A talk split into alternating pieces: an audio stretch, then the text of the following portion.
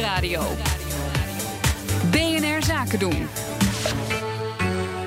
Ondernemersdesk. Ja, een buitenlandse kans voor ondernemers ligt vaak dichterbij dan je denkt. In de ondernemersdesk Europa lichten we daarom vanaf nu elke week op donderdag een Europees land uit waar zakelijke kansen liggen voor Nederlandse ondernemers. En dat doen we samen met RVO, de Rijksdienst voor Ondernemend Nederland. In opdracht van het ministerie van Buitenlandse Zaken struinen zij het buitenland af op zoek naar kansen voor onze ondernemers. Vandaag richten we ons op Roemenië, want daar liggen vruchtbare kansen voor het opscheppen. Uh, Tjerk Opmeer is hier van de RVO bij ons in de studio. Goedemiddag. Goedemiddag. En voor welke ondernemers is Roemenië interessant? Roemenië is uh, heel erg interessant voor, uh, voor mensen die zich, uh, voor ondernemers in Nederland die zich bezighouden met fruitteelt. Roemenië is een waanzinnig vruchtbaar land. warm, goed klimaat, heel veel ruimte. alleen ze zijn niet in staat om een groot deel van hun eigen productie zelf te produceren. Dus ze moeten heel veel importeren. En ook op het gebied van fruit importeren ze de helft van wat ze daar consumeren. En dat betekent dat voor Nederlandse ondernemers in de, in de fruitteelt, maar ook zadenveredelaars en mensen in de cold chain, zoals we dat noemen, dus in de, zowel de, de transport, logistiek als opslag daar enorme kansen liggen. Ja, nou, eigenlijk neem je het op voor Roemenië. Zeg van, van kom, kom hier naartoe. Nou ja, ik, ik, neem het op voor Roemenië, omdat daar met name inderdaad heel veel kansen liggen, ook weer voor Nederlandse ondernemers, om daar uh, goede business te doen. En zeker ook omdat er behoorlijk veel geld ook uh, in zit. Vanuit de Europese fondsen is er een uh, eh, 9,5 miljard wat er wordt geïnvesteerd in Mhm. de Roemeense landbouw, om te zorgen dat die op peil komt. En dat betekent ook dat we daar als, als Nederlandse ondernemer op een goede manier de vruchten van kunnen plukken. Ja, en heb je het dan alleen over, over de fruittelers of ook over, over opslag en transport en distributie? Is, is die hele keten interessant in Roemenië voor Nederlanders? Ja, ze, zoeken, ze zoeken kennis. Dus zowel mensen die zeg maar, kennis kunnen brengen over hoe je dat doet. Uh, maar ook de, de fruittelers, wat ik al zei, de, de zaadveredelaars. Maar ook inderdaad de mensen die transport kunnen organiseren. Uh, opslag, uh, koelhuizen, et cetera. Om te zorgen dat daar uiteindelijk het wel geproduceerd wordt. Maar ook vervolgens zowel binnen Roemenië als eventueel ook daarbuiten getransporteerd kan worden. Ja, nou, groot vruchtbaar land dus. Hè. Veel landbouw ook. Maar dat vindt vaak nog op een beetje ouderwetse, kleinschalige manier plaats. Dus daar is ook nog veel ruimte voor, ja, voor innovatie, denk ik.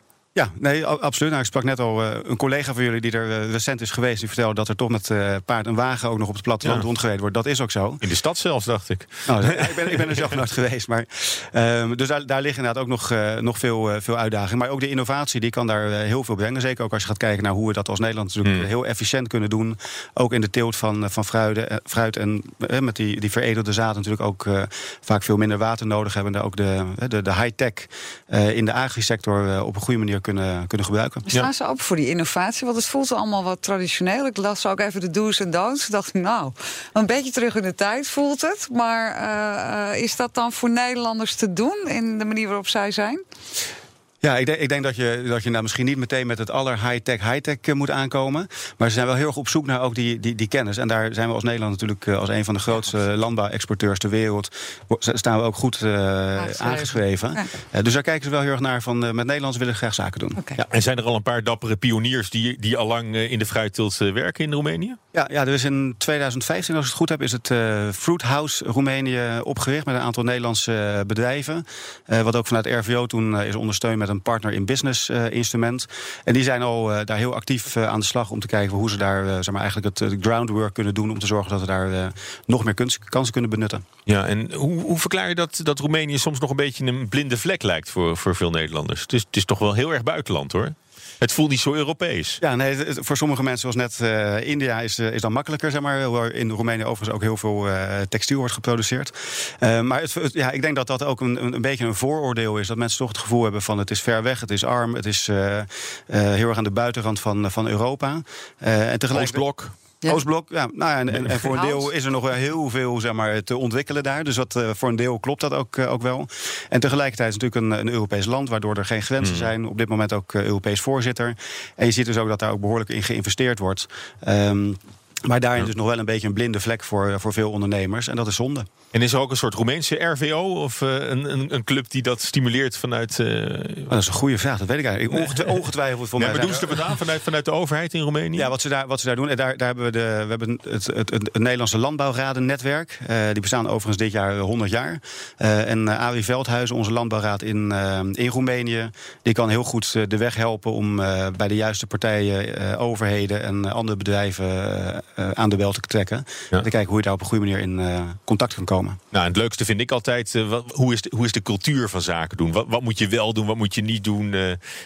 Dat vind ik altijd het aardigste. Ja, ja, hebben, ze, hebben, ze, een gebruiksaanwijzing, de Roemeense ondernemers? Ja, ze, ja, ze hebben zeker een gebruiksaanwijzing. En dat is inderdaad altijd heel mooi om te zien. Nou, we hadden het al net over een, een, een, lijstje. Er zijn heel veel dingen waar je rekening mee moet houden.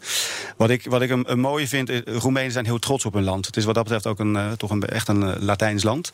Um, dus let ook heel erg op als Nederlander dat je niet met dat opgeheven vingertje gaat wijzen van wij weten het hier in Nederland zo ontzettend goed en we gaan jou wel even laten weten hoe het moet. Mm. Uh, toon respect voor het land, uh, waardeer, prijs Roemenië als, uh, als mooi land en ga dan kijken van wat ze, hebben zij nodig om, om zeg maar, hulp te krijgen. En kleed je een beetje netjes aan?